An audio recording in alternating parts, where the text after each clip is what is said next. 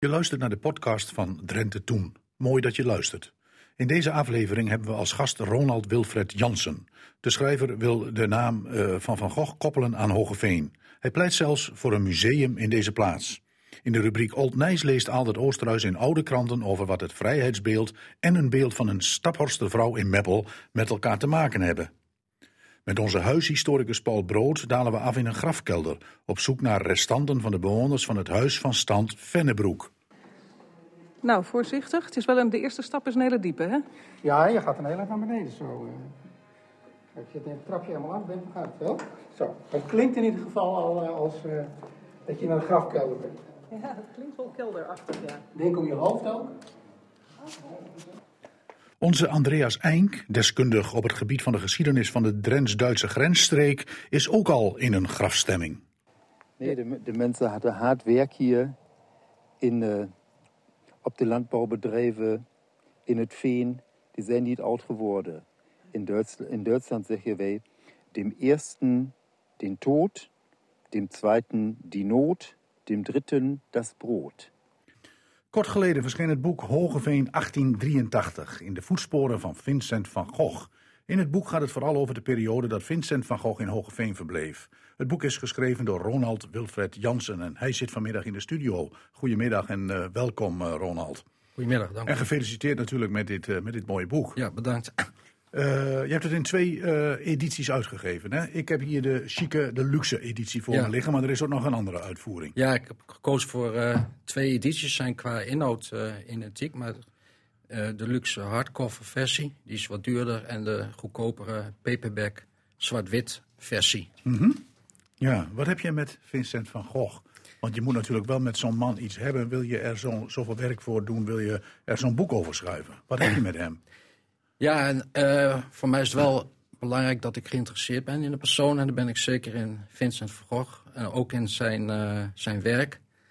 Ik moet eerlijk zeggen dat ik ook wel bepaalde karaktertrekken in hem, althans voor zover ik dat in kan schatten, ook wel in mij zie. Wat eh, wisselende stemmingen en toch tegen de stroom ingaan. En toch je eigen zin blijven doordrijven. Ja, ja. En ja, Vincent werd van huis uit niet gestimuleerd om kunstenaar te worden.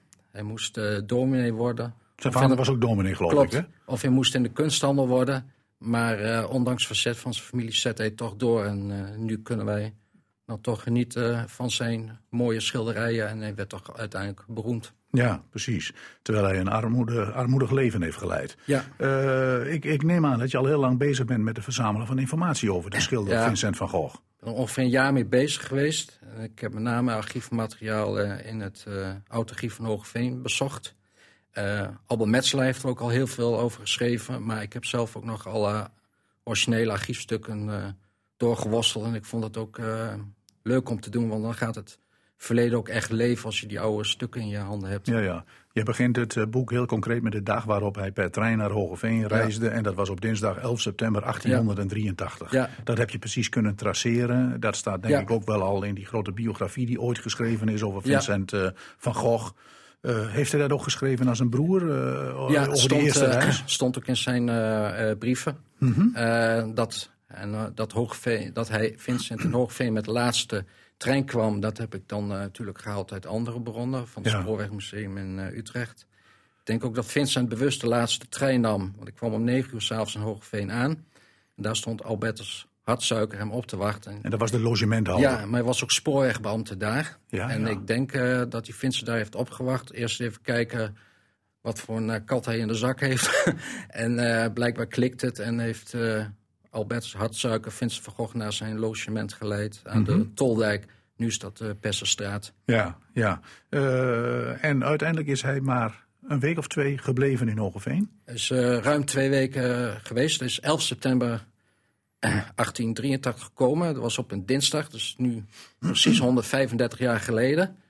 En het grappige is dat ook dit jaar, eh, 11 september, ook op een dinsdag viel. Mhm. Dus dat vond ik ook een mooie gelegenheid om het boek uit te geven. En die is Op die datum. Ja, Hmm. hij is tot 2 oktober gebleven. Toen ging naar Nieuw-Amsterdam. Hij is daarna nog wel een paar keer teruggekomen om de postwissels van zijn broer te kunnen in op het postkantoor. Ja, ja, maar zijn verblijf in Hogeveen dus, was dus voorafgaand aan zijn eh, logeerpartij in, eh in Veenoord Nieuw-Amsterdam. Dat klopt. Waar nu het Van Gogh Museum is. Klopt. Want Mhm. eh, ja, op het Van Gogh Museum.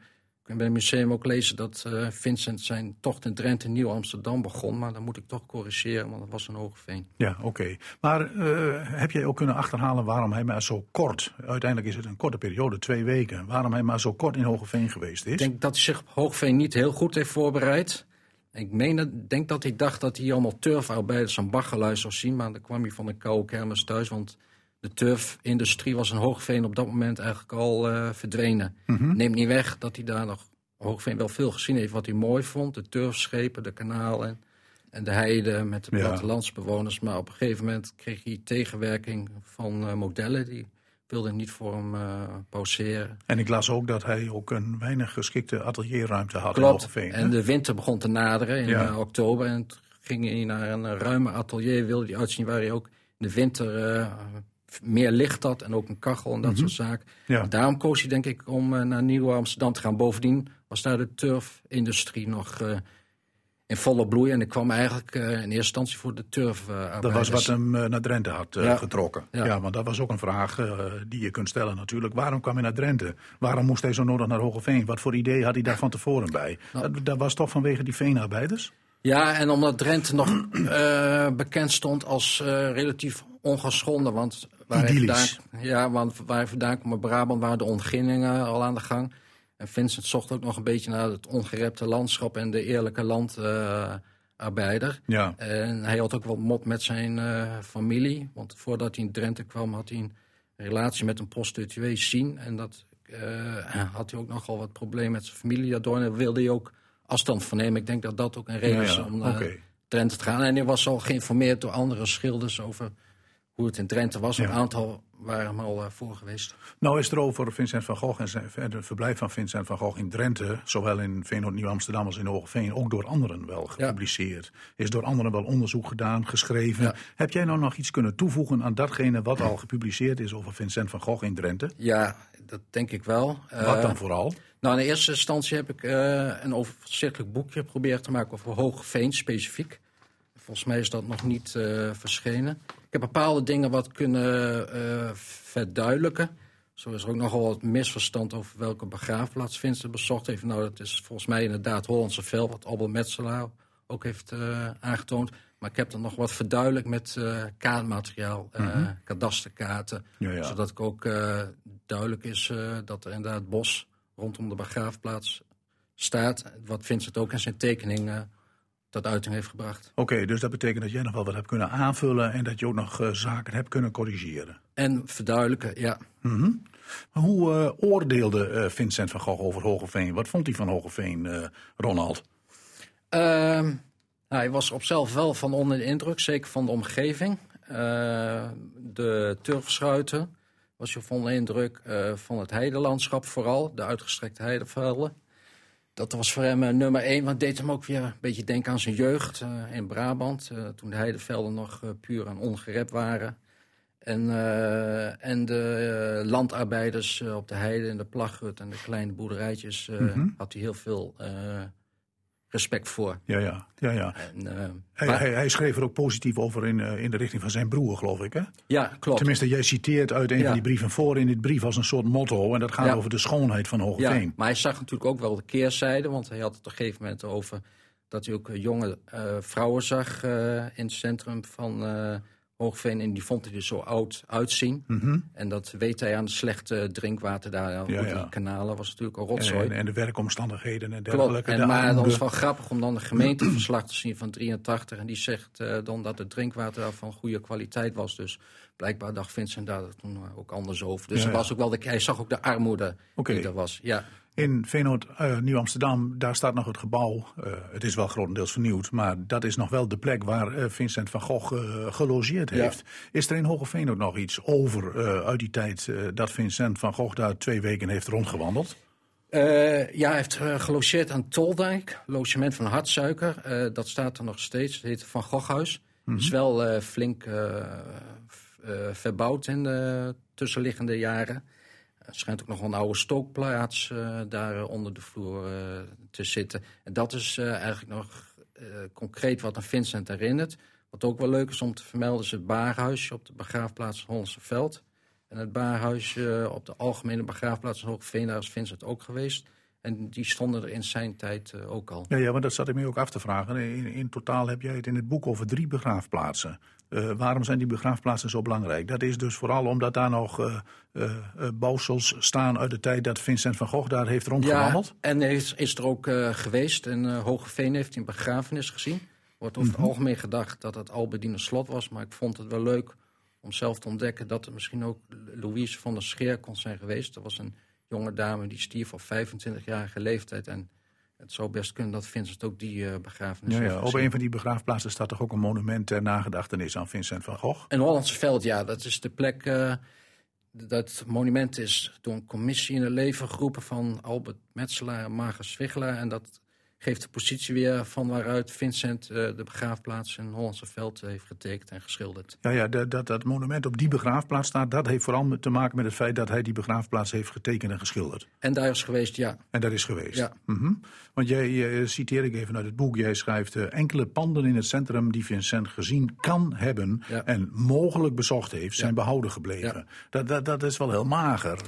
Klopt. Bedoel, jij jij, jij zet daar zelf ook nog vraagtekens bij dus. Ja, want Vincent, het is wel duidelijk uit zijn brieven dat uh, Vincent het centrum goed heeft doorlopen. Daar heeft hij ook zich goed georiënteerd eerst uh, van waar hij dan kon gaan schilderen en tekenen. Maar hij noemt in zijn brieven vaak niet alle gebouwen en straten en dat soort zaken bij naam. Dus mm. dan moet je toch gedeeltelijk invullen. Ja. En daar, ja, daar moet men gewoon mee, uh, mee leven. Maar het is wel zeer waarschijnlijk dat ook wel de hervormde kerk heeft gezien. Mhm. Want hij heeft wel in het centrum uh, goed uh, rondgelopen. Hij heeft het niet bij name genoemd. Nee, nee. Alleen wel het kerkhof in Hollandse Veld. Dat noemt hij ook bij naam en dan kun je ja. ook uit zijn brief uh, destileren. Dat is dan ook gewoon zeker dat hij daar is geweest. Ja, ja oké. Okay. Uh, een, een, van de vragen uh, die jij ook stelt, dat is of hij nou wel of niet in Pessen is geweest. En dat link jij dan aan een studie die is verricht door Wout Dijk en Meent van der Sluis. Ja. Die aangaven, of die aangeven in die studie dat hij daar is geweest. En jij zegt dat hij er niet is geweest. Hè? Nee, ik ook met kadasterkaarten aangetoond. Dat is heel verwarrend. Als je naar Pessen kijkt in 1883 dan uh, zijn er geen dennen rondom de begraafplaats van Persen. Maar in 1910 wel weer. En bij de begraafplaats Hollandse Veld is het net andersom. Er waren in 1883 dennen rondom de begraafplaats, maar in 1910 niet. En ik denk dat dat ook de, een van de redenen is dat de verwarring geeft. En mm -hmm. het gaat wel om, Vincent een begraafplaats heeft bezocht... waar dennen omheen staan met een kerk en zicht.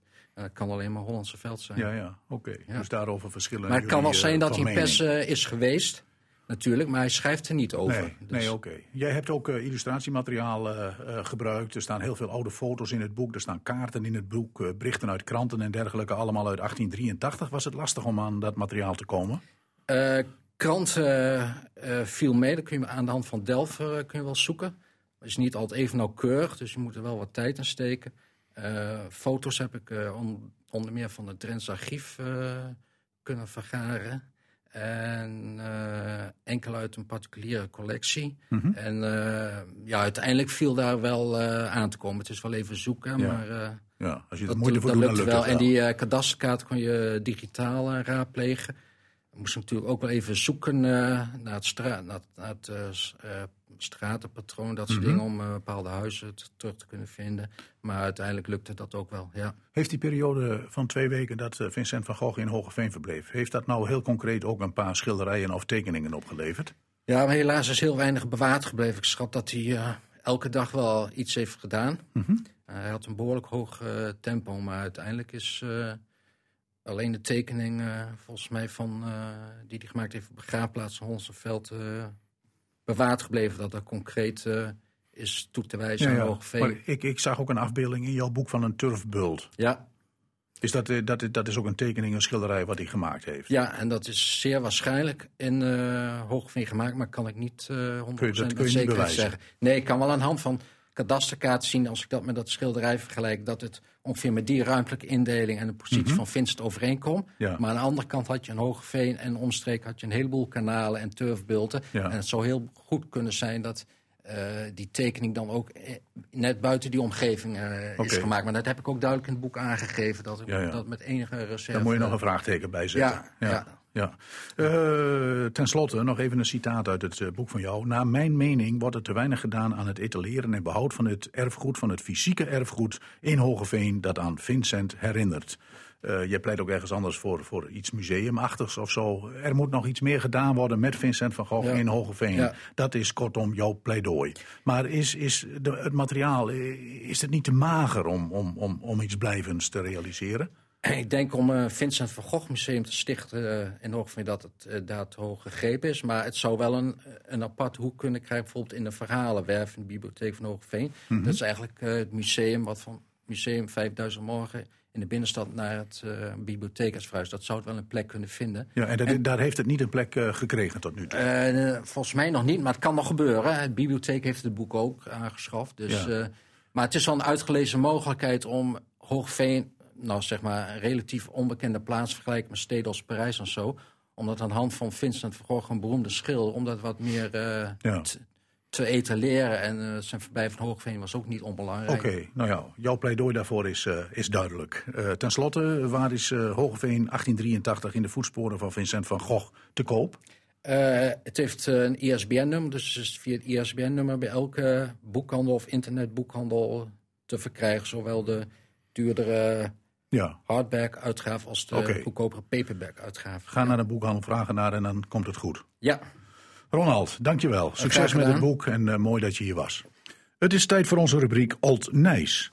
Collega Aaldert Oosterhuis dook weer in een stapel oude kranten en vond dit keer een verband tussen het vrijheidsbeeld en een beeld in Meppel.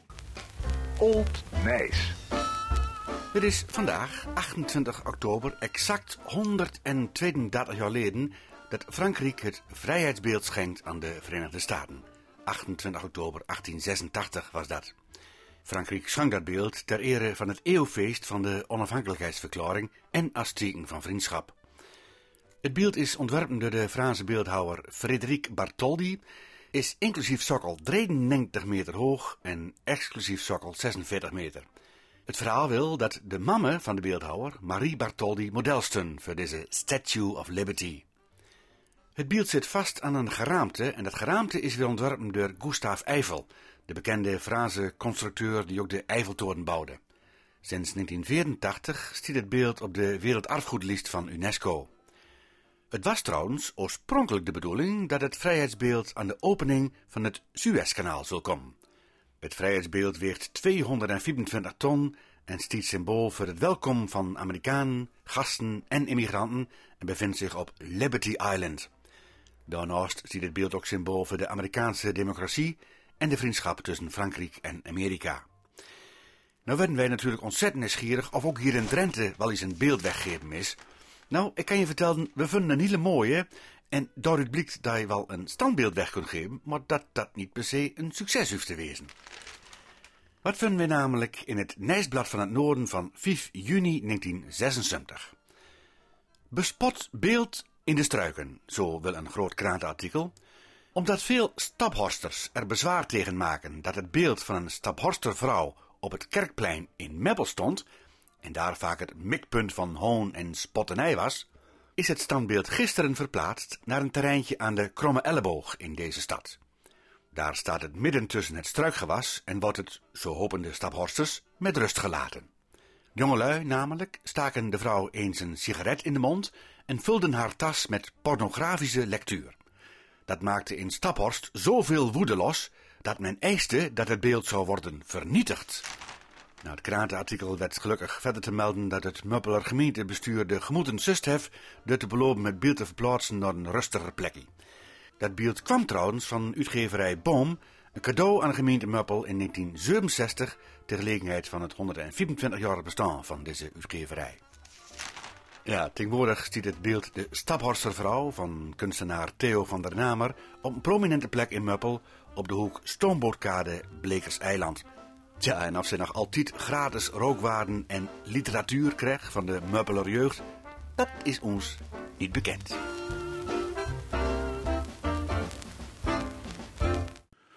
Voor een reportage over het eerste katholieke kerkhof in Zuid-Drenthe moeten Lydia Tuinman en her dokter Andreas Eink, onze expert van de grensgeschiedenis, strompelend door een aardappelveld.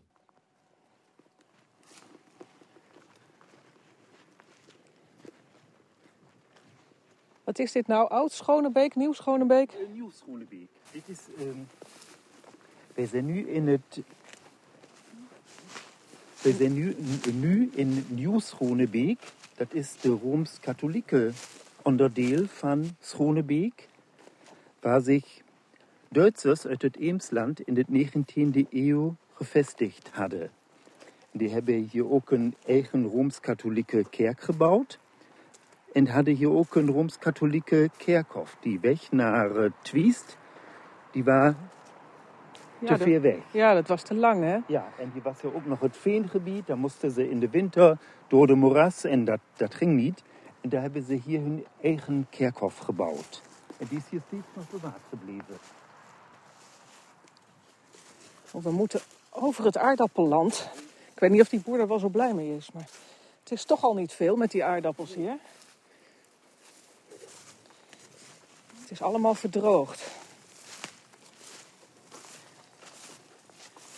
En dan midden in die aardappelakker staat een met planken afgegrensd stukje land. Met eikenbomen erop. En onder die eikenbomen zijn de graven. En er staat een wit Mariabeeld. Een meter of twee hoog. Het is eigenlijk een heel bizar gezicht. Ja, nou we hier aankomen zien we dat het geen eh Mariabeeld is, hè? Ik denk dat het Helena is met het kruis. Ze ziet er niet uit als een Maria. We gaan eens, even, eh, we gaan eens even op inspectie. Nou, we zijn over het hekje heen geklommen en nu staan we wat dichter bij dit eh, mooie beeld. Vertel. Ja, het is geen Marienbeeld, het is een beeld van de heilige Helena. Die heeft in de eh, derde of vierde eeuw heeft die het kruis van Christus in het heilige land gevonden. Dat is het eh, verhaal. Het, dat was een belangrijke heilige in de Rooms-Katholieke kerk. En wij staan hier uit de oude begraafplaats van de gemeente, van de Rooms-Katholieke gemeente van Nieuw-Schonebeek. Die gemeente wordt in het 19e 19e eeuw van. Duitsers gesticht, die zich van het Deemstand uit in Schonebeek gevestigd hadden. Die hebben hier een Duitse dorp op Nederlandse grond gesticht en hadden hun eigen Rooms-Katholieke kerk en begraafplaats. Ja, van de begraafplaats is niet gek veel meer over. Hè? Er Nee, staan wat. eh, Maar dat is hier geweest. In die tijd was dat nog een eiland in de moeras. En nu is het hier midden in het eh, landbouwareaal. Ja, het is eh, inderdaad op een. eh, het, is, het is wat hoger hè, dan het Ja. omringende land. Ja? En er staan een paar- eh, ehm, eh, eh, ringsom de begraafplaats is de turf afgegraven. En hier is nog het, oude, ehm, de oude hoogte. Er staan een paar houten kruisen, maar of die origineel zijn. Nee, die zijn niet origineel, maar die herinneren nog aan, de, aan die mensen die hier begraven zijn. Van, van, hoe ver was het van hier uit naar, eh naar Twist? Naar Twiester was het ongeveer vijf of eh, zes kilometer, maar in, het, ehm, in de wintertijd was het bijna niet te bereiken. Nee, dan moest je toch met je dierbare overledenen eh, ergens anders heen. En eh, Ja. daar was deze begraafplaats dan voor. Met eh, daarop het beeld van eh, Sint Helena. Die leunt op het kruis van Christus. En ja, daar staat ook een naam op, hè? Zuster Bernadette, Ja. AMA Huzer. Huzer. Ja. Huizer, dat is ook een Duitse naam, dat is een eh, familie hier uit Nieuw-Schonebeek. Ja. En Nijenstein, dat is eh, half Duits, half Nederlands. Ja, G.A. Huzer Nijenstein, die ligt daar ook. Ze zijn allebei niet oud geworden. Nee, de, de mensen hadden hard werk hier in, eh, op de landbouwbedrijven, in het veen. Die zijn niet oud geworden. In, Duits, in Duitsland zeggen wij, dem ersten den Tod, dem zweiten die Not, dem dritten das Brot. De eerste generatie had alleen werk, de tweede had een uitkomen, ja, en de derde generatie had dan een goed leven. Dat duurde even voordat het, eh, het leven goed werd. En dat was de laatste aflevering van onze serie over geschiedenissen van de uh, Drents-Duitse grensstreek. Met dank natuurlijk aan de directeur van het Emsland Museum in Lingen, Andreas Enk. Drenthe Toen, archief. Jaap Rensen en zijn dochters zijn aankomende zaterdag eregast tijdens een reunie van het Noorderdierenpark. Het is een reunie voor iedereen die minimaal drie jaar in het Noorderdierenpark werkte voor augustus 1995. De tijd waarin Jaap en Aleid Rensen de scepter zwaaiden in het park. In ons archief vonden we deze bijdrage terug over de uitreiking van de culturele prijzen van Drenthe in 1974. Bent u erg blij met deze toekenning, meneer Rensen? Ja, we zijn er ontzettend blij mee met deze toekenning. Uh, dit, geeft, dit heeft ons eigenlijk wel weer een beetje een kick gegeven om tegen elkaar te zeggen: Nou, uh, we gaan, we, dit, dit, geeft een geweldige stimulans voor ons. We gaan lekker door op deze ingeslagen weg. En uh, vooral, ik eh, ben ontzettend blij dat hieruit blijkt dat de dierentuin toch een culturele instelling blijkt te zijn. dat durf ik nu gewoon te gebruiken. Ik durf nu gewoon te zeggen dat het een culturele eh, instelling is. we, we, hebben dat, dat recreatieve aspect. Dat, dat moet natuurlijk blijven.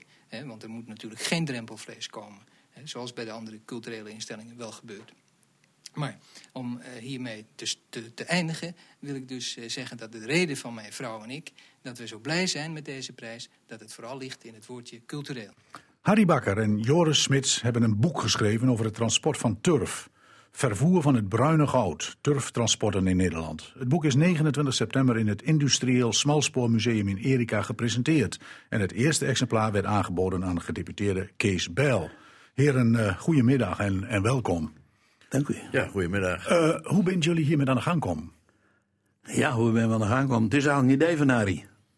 Mm -hmm. Harry die wist dat ik die boeken schreef. En die zei, is dat ook wat om van de turf iets te maken? Ja. Ik heb een mooi archief van.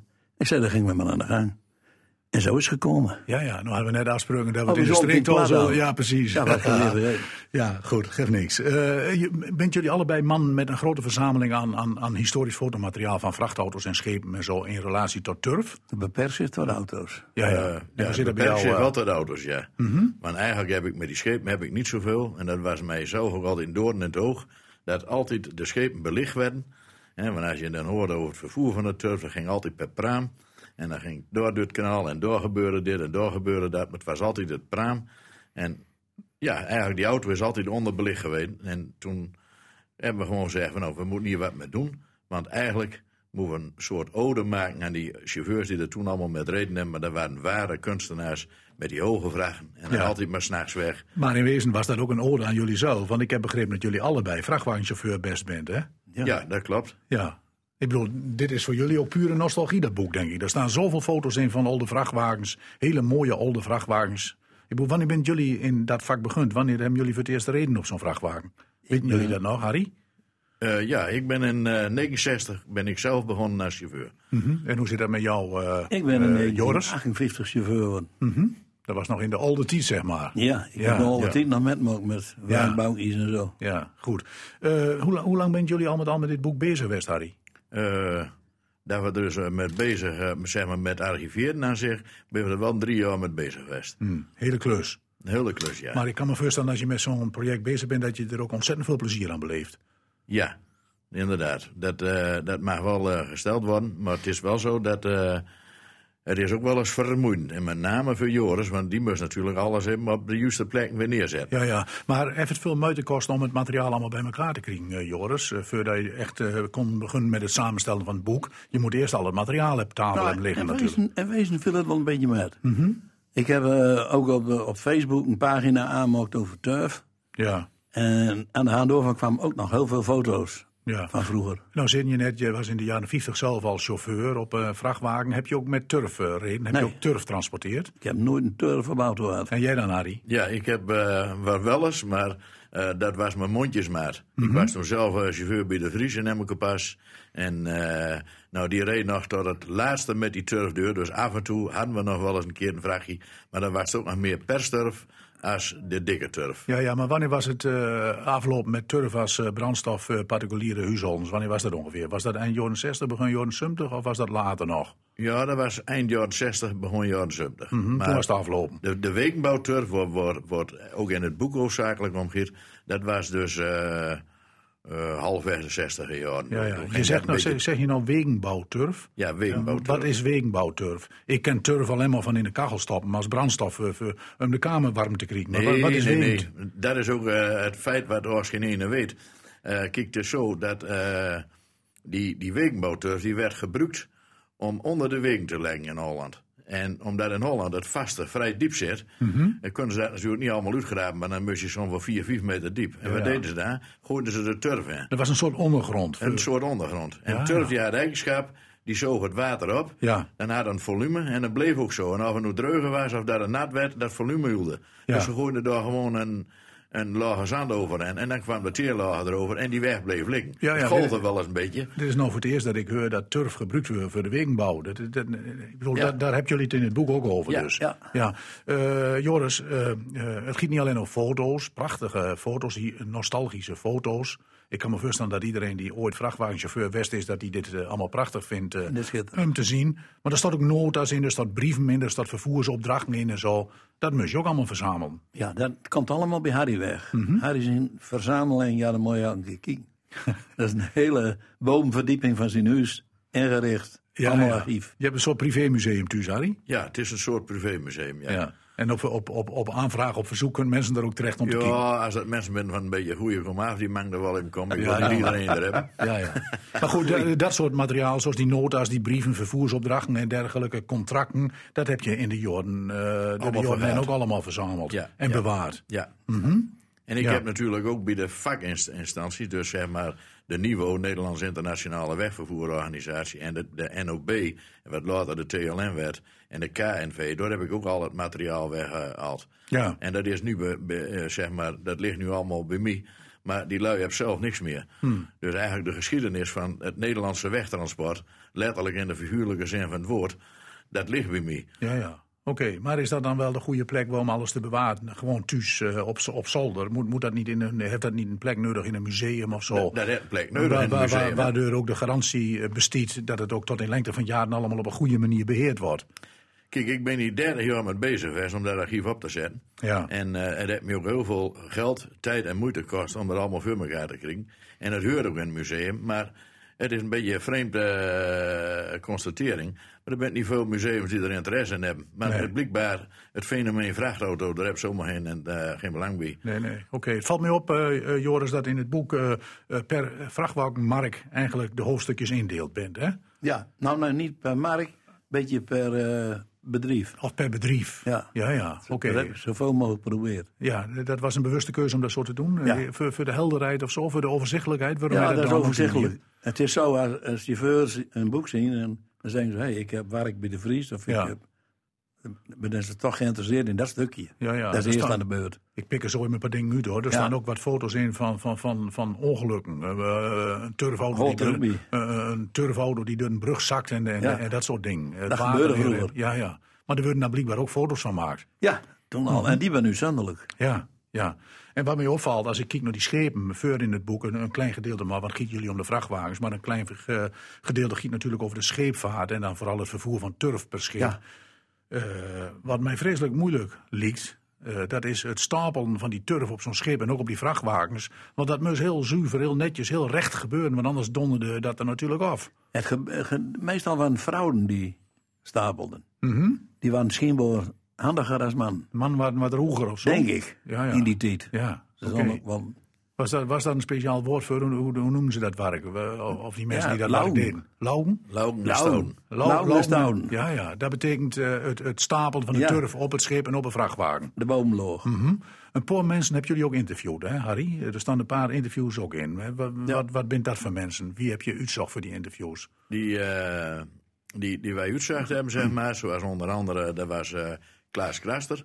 Nou, Klaas Kraster, die ken ik natuurlijk leven al. En ik weet nog wel dat Klaas, die was toen eh, bij eh Sterenborg in Emmerkopas. En vanuit Sterenborg is Klaas, eh, zeg maar, deurstroomd naar Ne- Nevema en Zwolle. En, en later hadden dus alle turf hadden dan. Dus al het vervoer, dat verliep via Klaas. Voor, voor, wij een turfwagen zagen erin, de, de, de opdracht kwam altijd via Klaas Kraster, die dat allemaal badigde. Ja, ja, oké. Je hebt ook eh, nog een, een dagboek op, een, stuk een dagboek van de chauffeur. Ja, Ja, klopt. wat, Wat, wat, ja, daar weet jij ook alles van, eh, Harry? Ja, dat doen wij. Dat ik zo in mijn opteken, want dat, eh, dat ben ik zelf weg. Toen ging ik s'nachts met mijn, met mijn alleer met. Oh. En ja, ik denk wel eens even weten van hoe dat nou allemaal gaat. Want het is eigenlijk mijn toekomst ook een beetje. En Ja. dan willen we eens even kijken. Mhm. Maar ik denk, ik ben verrekte lange dagen. Dat ben ik wel al eigenlijk. Om Ja, ja. s'nachts om 12 uur weggaan en je bent s'avonds om 9 uur weer in huis. Nou, dan telt maar even duurtjes op. En dat zoveel dagen achter elkaar? Nee, de, zeg maar, die auto's die gingen s'nachts om 12 uur weg. Ja. En die waren daarna s'avonds zo, zo tegen een uur wachten, negen Ja, weer. ja. Kijk, en dan hadden ze de volgende dag, dan waren of die meeste chauffeurs die waren wel even vrij, of uh, ze dan maar even te laten. Maar dan gingen ze die Mhm. Nacht erop wel, wel weer weg. Ja, ja. Ze deden ook vier vrachten in de 14 dagen met die dikke turf dan. Hè? Mhm. Ja, en ging overal naartoe dus. Hoofdzakelijk naar het westen. Eh, nou, eh, Dus heel om- Nederland deur, maar in belangrijke mate naar het westen. En dat had dan vooral met die wegenbouw daar Ja. eh, te maken. Wat daar, werden- daar werden ook de meeste wegen aangelegd. En daar was de ondergrond, had die turf nodig. Ja, ja. ja, ja. Eh, het in elkaar zetten van zo'n boek, eh, Joris, dat is sowieso mooi waar ik toch. Kijken wat er op een pagina moet, wat Ja. bij elkaar past. En, en daar ben jij dus vooral mee bezig geweest. Ja, dat is, was voor mij nog niet zo makkelijk. Altijd chauffeur was en nooit anders wat doen. Nee. En dan probeer je een boek te maken. Ja, ja, maar ik neem aan dat je op dit boek, zoals dat hier nou voor mij op tafel ligt, dat je daar hele eh, positieve reacties op had hebt. Ja. Want het er, zit- sch- eh, er eh, schitterend uit. Ik heb tot nu toe alleen maar hele goede reacties gehoord. We hebben nog niks. Geen een die zegt is niks. Nee, ik vind het allemaal een prachtig boek. Hij was ook in, in Mumford niet uitverkocht. Dus er moet dan een tweede druk komen. Nou, die is er al en die is ook alweer uitverkocht. Oh. Maar ja, nou hoor dat wel wat natuurlijk. Ja, oké. Maar het is voor mij gewoon een hobby. Ja, en ik heb, en daar sluiten we het dan even eh, met af, eh, in het nawoord of in het voorwoord, ik geloof dat het in het nawoord was, dan schreven jullie, wij overwegen om nog een eh, tweede deel te maken. Giet dat dan gebeuren, Harry? Nou, eh, of het over de turf komt, dat weet ik niet. Dat, ik denk dat dat moet ik meer aan Joris overlaten. Maar we hadden nog wel zo'n, eh, omdat ik natuurlijk heel veel mooi materiaal er nog liggen heb, wat nog nooit openbaar west is. En veel van internationale bedrijven. En omdat dat ook voor driekwart ons levenssterk west is. eh, en we was echt nou misschien dat we nog wel een boek gaan maken over de opkomst van het internationale transport. Ja, ja. Nou, ik heb gewoon wel in de gaten, jullie hebben de smaak te pakken. Jullie bent er allebei enthousiast over. En volgens mij komt er nog wel een volgend boek. Het zit er heel dik in. Ja. Zeker. Nou, eh, gefeliciteerd met het vervoer van het bruine goud, turftransporten in Nederland. Eh, ze bent nog te koop, maar en misschien komt er nog wel een volgende druk. Jawel, eh, ik, wij hanteren het, eh, het, het eigenlijk een, ze kunnen bellen. En dan heb ik een lijst en eh, als er zoveel op een lijst staan, dan... eh Ja, ja. Dan- Even, even, even snuffelen op internet en dan bent jullie wel te vinden. eh Joris hotmail.nl. Dan kan je rechtstreeks met Joris in contact komen. Komt hartstikke goed. Man, bedankt. Oké, ook bedankt. Bedankt.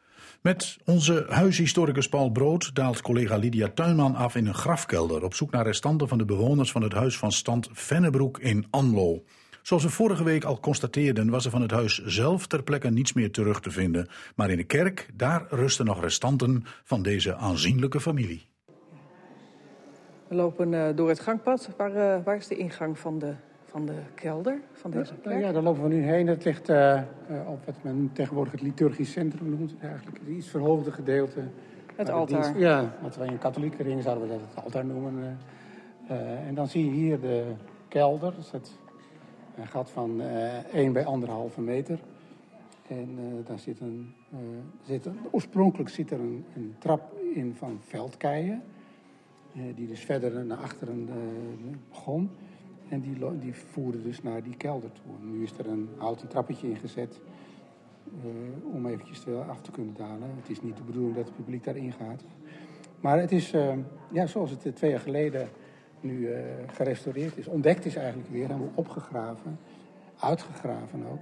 En eh, we hebben weer gewoon in de oorspronkelijke toestand eh, kunnen herstellen. Zoals Albeda, Jonkheer Albeda eh, van Vennebroek het in 1747 geloof ik, eh, heeft laten aanleggen. Ja, dus een, een luik in de, in de kerkvloer. En daar kunnen we door, als het luik open is, kunnen we naar beneden kijken. En dat is een meter of drie diep. En ik zie daar, eh, daar zie ik de jonkheer liggen, of niet? Nee, de jonkheer zelf niet. Eh, waarschijnlijk eh, zijn wel twee van zijn echtgenotes, twee echtgenotes en kinderen van hem zijn er wel begraven. Eh, maar toen we de grafkelder hebben laten eh, restaureren, is er ook onderzoek gedaan naar de botten die gevonden zijn. Maar dat bleken er meer te zijn dan eh, er eh, kinderen Albeda ingelegen zouden kunnen hebben. Dus waarschijnlijk is in latere jaren, en misschien wel bij de restauratie in de oorlogsjaren, zijn er nog wel andere botten in, die, in dat gat gegooid. En zeggen, nou, leg, dat er maar bij. Dus het is niet meer aan te tonen van wie die botten zijn. Maar uit de begraafgegevens is wel duidelijk dat in ieder geval twee echtgenoten en kinderen van Alberda hier in deze kelder zijn bijgezet. Het is nogal een onderneming om zo'n eh, kelder te laten graven eh, en, en vervolgens te laten bouwen onder zo'n eh, onder zo'n kerkgebouw. Er zijn, zijn ook een soort gewelfjes aangebracht. Is ook bekend hoe, hoe, hoe lang hieraan gebouwd is? Nee, er is weinig van bekend. Ik denk dat het redelijk snel gegaan is. Een van de vragen echter waar de archeologen het nog niet over uit zijn... is die, die veldstenen trap die daarin ligt. Die, die wekt de indruk dat die veel ouder is. Dus eh, het zou best kunnen zijn dat er hier voor die tijd ook al een crypte of een kelder was... waar die trap naartoe geleid is. En dat die door Albeda eh, in een andere vorm gegoten is. Of dat hij hem voor zijn doelen heeft ingericht. Maar... eh, de archeologen zijn er nog niet helemaal over uit hoe dat nou precies zou kunnen. Ehm, we mogen er niet in, hè? Eh, nou, we kunnen de koster even aardig aankijken en misschien nou even een poging kunnen wagen. eh. Het, eh, dat, eh, dat laddertje af. Ja, Nou ja. ja. Best zouden wij wel even af mogen dalen in de kelder? Sorry? Mogen wij wel even afdalen in de kelder? Uiteraard. Ja? Ik zeg altijd tegen iedereen, Eigen is er ook iemand naar beneden geweest? Ja? Jouw risico. Ja, ja, ja, ja, ja, risico. ja, ja. Nee, Goed, nee, als we botten breken, eigen schuld. Dus, Eh, eh, dan laten we je gelijk beneden liggen. Ja, is ruimte genoeg, hè? Ik haal dit weg. Ja, even de ketting opzij. Dit trapje naar beneden. Best blijft staan, zo. hè? Het hekje wordt eruit gehaald. Ik heb de Martin Ja. Nee, nee. Nou, voorzichtig. Het is wel een, de eerste stap is een hele diepe, hè? Ja, je gaat een heel erg naar beneden zo. eh. Als je het trapje helemaal af bent, dan gaat het wel. Zo, het klinkt in ieder geval al eh, als eh, dat je naar de grafkelder bent. Ja, het klinkt wel kelderachtig, ja. Denk om je hoofd ook. Oké, ik stap nu over die grote keien naar beneden. En dan staan we hier bij een kist met een glazen deksel. En daar liggen toch echt dijbenen, dijbeenderen. Ja, ja, hier liggen inderdaad echt botjes eh, die in de kelder gevonden zijn. Hè. En zoals, ja, een aantal zal ongetwijfeld van de familie Alberda zijn. Maar er zijn te veel om. eh, en, en ze zijn ook te groot. Als er, moeten ook kinderen lagen erin. En, nou, er zijn veel te veel grote botten voor, dus dat kan niet. Maar ze zullen wel 18e eeuw zijn, hè, denk ik, die botten.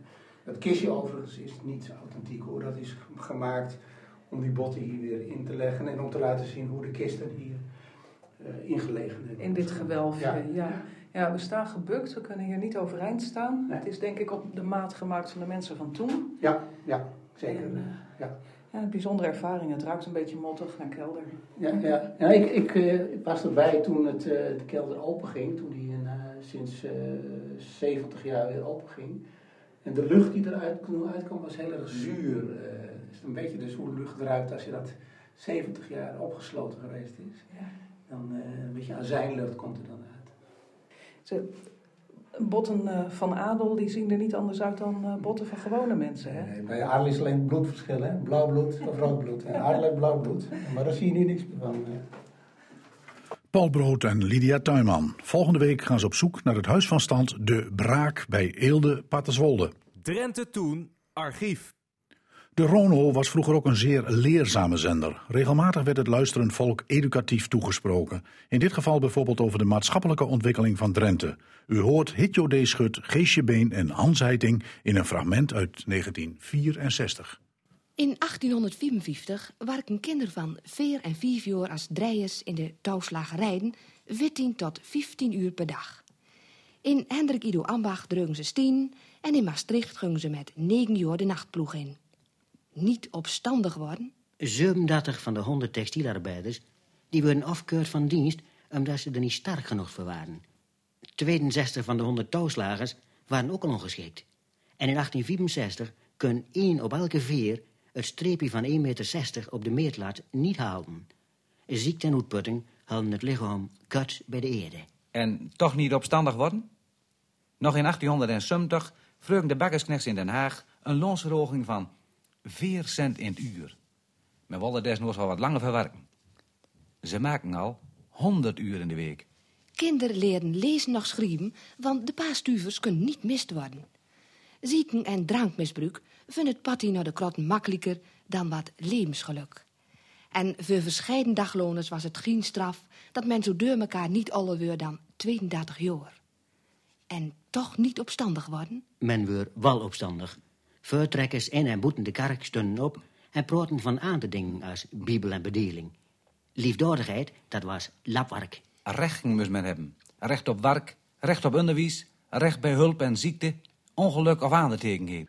Soms stuit je als zoekende in de archieven op iets dat je nieuwsgierigheid wekt, maar dat je zelf niet zomaar 1, 2, 3 even opgelost krijgt. Collega, eh, collega Lydia Tuinman eh, is aangeschoven, want er is een kwestie met een helderziende van bedenkelijk allooi. Zo schreef je dat zelf, eh, Lydia. Ja, dat klopt. Ik raakte erdoor geboeid door het verhaal van deze meneer. Rabindra heet hij. Eh, we kwamen hem tegen in het, eh, in het boek van eh, Henk Luning. Die Een boek over de geschiedenis van Hotel de Jonge. Ja, en daar schreef hij in dat in dat hotel van alles gebeurde. Onder andere dat daar ook een helderziende zitting hield. En dat was Rabindra. En toen dacht ik van ja, dat ken ik wel van vroeger uit de krant. Stonden daar advertenties van die man in. En dat waren dan, was zo'n klein zwart-wit fotootje. En dan zag je zo'n man met van die lichtstralen uit zijn ogen. Jij kunt je die advertenties nog ja, herinneren? Ja, ik kan ze me nog herinneren. Want ik was altijd Mhm. zeer daardoor geïntrigeerd. En het is tot in de jaren tachtig is dat doorgegaan. Dat hij daarmee adverteerde dat je bij hem terecht kon. En dat hij dan, eh, ja, hij, hij eh, was dan helderziende, telepaat. En hij eh, doorziet al uw problemen, lost de meest ingewikkelde moeilijkheden op. Onverschillig op welk gebied. Rabindra ontsluiert uw toekomst en kan u onschatbare diensten bewijzen. Nou, dat is dan een advertentie uit 53. En hij bereisde eigenlijk het hele noorden. Met, eh, hij ging eh, met een soort theaterprogramma ging die de zalen af. Dat programma dat heette De Wereld der Onontwaakten. Vanaf 1948 ongeveer. En daar wordt spanning en sensatie aangezegd. eh, volle zalen getrokken, Mhm. jarenlang. Ja. En hij hield eh, een soort consulten. Hij eh, ging een hotelkamer huren, dan ook bijvoorbeeld eh, hier in Assen of in Leeuwarden. En eh dat werd dan in, in de kranten aangekondigd.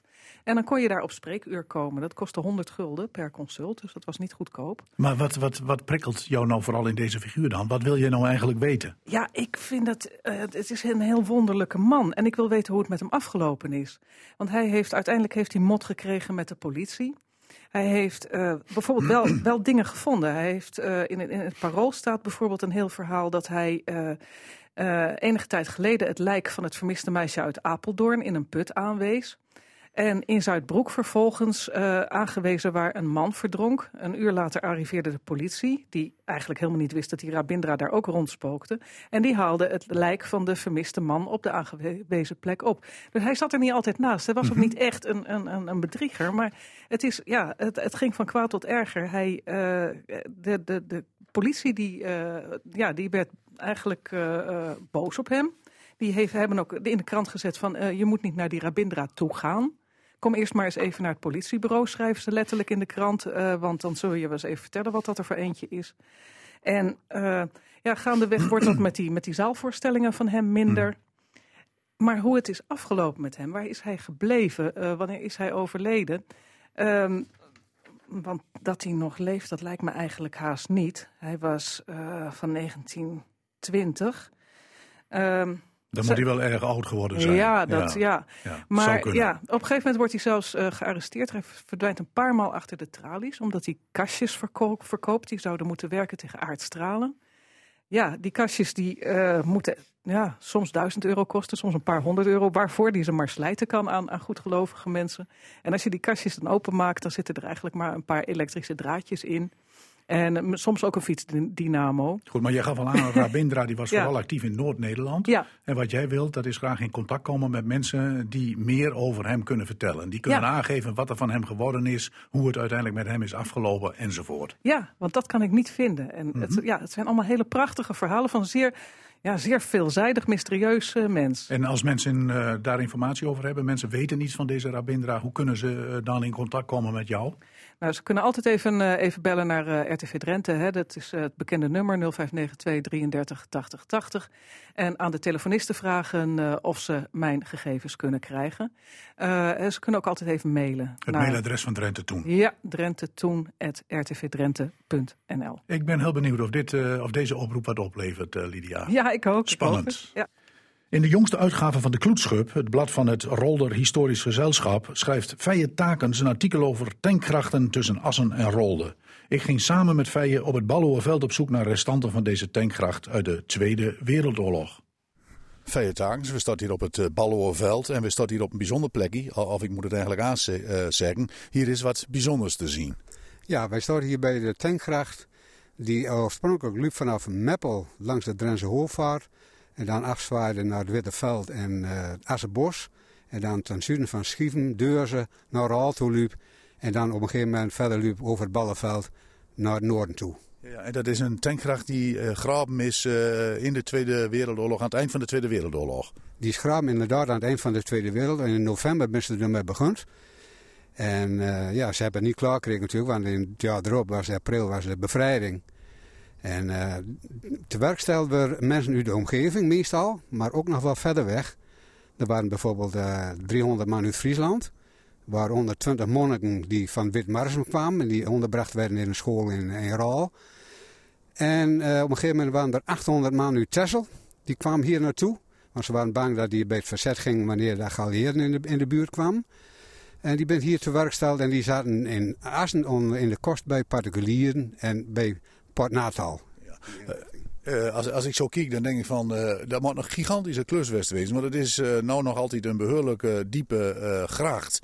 behoorlijk breed. En dat moest met de schub graven worden, denk ik. Het moest met de schub graven worden. En die moest een bepaalde meters hebben. Drie, vier meter diep.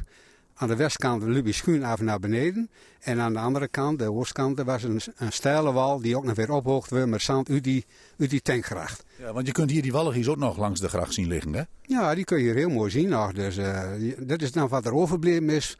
De rest op cultuurgrond is, is direct na de oorlog plaatsgehouden. Want de galieerden hadden allerlei materiaal bij hun. Dus dat was niet zo'n groot probleem. Alhoewel er ook nog wel mensen die fout waren in de oorlog te werk gesteld werden met een schubbie en kruurwagen om uh, toch maar als strafmaatregel die gracht uh, dicht te gooien. Ja, ja, een ingrijpende maatregel, zo'n gracht uh, graven, uh, maar uiteindelijk bleek het eigenlijk volstrekt zinloos te wezen. Het was compleet zinloos, want de galieer die kwam van de andere kant dan de, dat de Duitsers dachten. En wat ik net al zei, ze hadden zoveel materiaal bij hun. Dus kwamen ze voor een tankgracht te staan, dan was het maar even.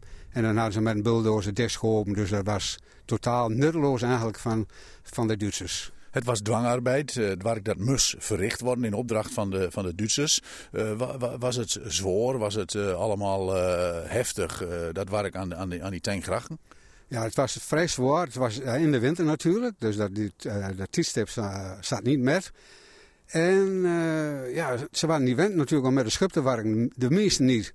En ja, door die kool en al die dingen, we waren nog eens wat zieken. Eten was niet al te best, dus dat viel niet meer. En ze werden wel goed opvangen. In, in, in Rol, in Assen, uh, alle, allemaal bij particulieren of ook wel in scholen en zo. Hoe zat dat? In scholen ook wel. Maar die 800 man bijvoorbeeld uit Texel, die werden in Assen opvangen en die werden onderbracht bij particulieren meestal. En na een paar maanden gingen er al mensen weer terug. Maar grotendeel is toch hier bleef tot eind van bevrijding. En als dank voor, uh, voor de goede zorg door in Assen, hebt u een, een bankschoon, die stiet nou in Assen. En dan ben je nou bezig om die wat op te knappen. Dus uh, dat is uh, goed aflopen wat dat betreft. Ja, die, die bank die is aanboden door de Tesselaar als dank voor het goede verblijf in Assen. Ja, inderdaad. Die is aanboden door de Tesselaars om uh, hun dank te, kenbaar te maken hè, voor de zorg die zij kregen hebben in Assen. Ja, we staan hier bij die tankgracht op het Balloerveld. hier is die gracht nog nadrukkelijk aanwezig. Maar in Rolde en Deurzen en zo, daar zie je er niks meer van. En bij Assen ook niet. In Rolde en, en uh, richting Deurzegor en zo, daar kun je er niks meer van zien. Uh, ik heb nog wel eens een spreuk die zei, nou, in het begin toen, direct na de oorlog, uh, als er dan drukte was, dan kon je in de weiland nog zien waar dat tracé uh, heeft lopen van die, van die. En ik kan me nog ook luchtfoto's herinneren bij Bouwland dat net omploegd is, dat daar die structuur van die tankgracht nog mooi kunt zien. Ja, dat was net als afgelopen zomer met al die dreugten. Dan zag je ook uh, op bepaalde landerijen zag je nog al de fundering in de grond zitten. Hè? Ja, dat was heel typerend. Dat zag je toen ook. Dat verandert natuurlijk langzamerhand. Maar het is inderdaad, kon je dat zien hoe dat kwam. En ze, het liep tot aan de Assenstraat, daar staken de straat over. En dan richting uh, de, uh, het bos van Hollema, zeg maar. En dan de spoorbaan over en dan uh, richting tussen Ballo en, en de Vriesdeur naar het Ballenveld. Nou ja, mensen die het zien willen, die moeten maar eens het Ballenveld op. En dan kunnen ze heel gemakkelijk die oude tankgracht nog terugvinden. Ze kunnen heel gemakkelijk terugvinden. Als je het fietspad volgt, dan zie je hem naast het fietspad zie je hem, lopen. En eind verder richting eh, de weg van Loon naar eh, Gasten. Daar zijn nog van die uh, zigzaggende loopgraven. Dus dat kun je ook mooi zien. En dat is wel interessant om dat eens even te bekijken. En we besluiten Drenthe toen met onze gebruikelijke uitsmijter. Collega Robert Oosting leest voor uit het boek met jeugdherinneringen van Wiebe Kruijer. Deze tachtiger schreef bijna 400 bladzijden vol met gedetailleerde en vaak vermakelijke observaties. Wij mogen er elke week eentje laten horen.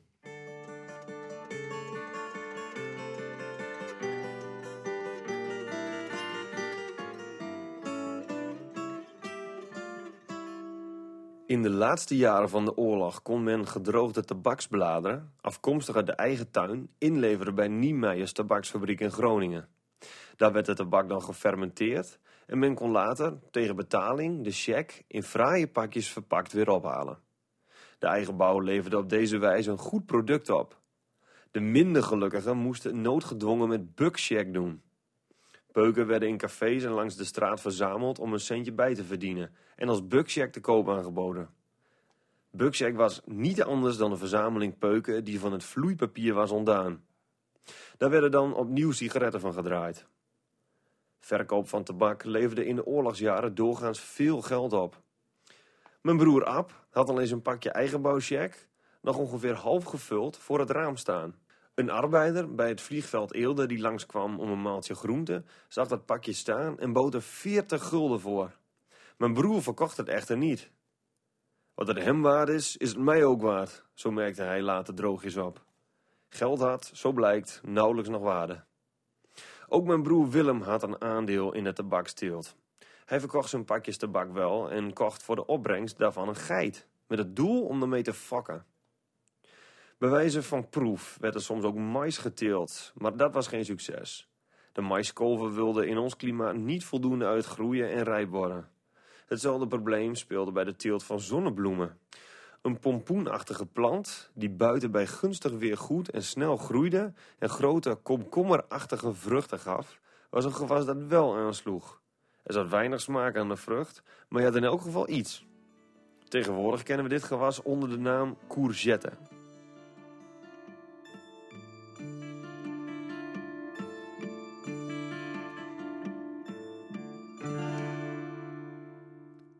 Je luisterde naar de podcast van Drenthe Toen. Mooi dat je luisterde. Luister ook eens naar onze andere podcasts.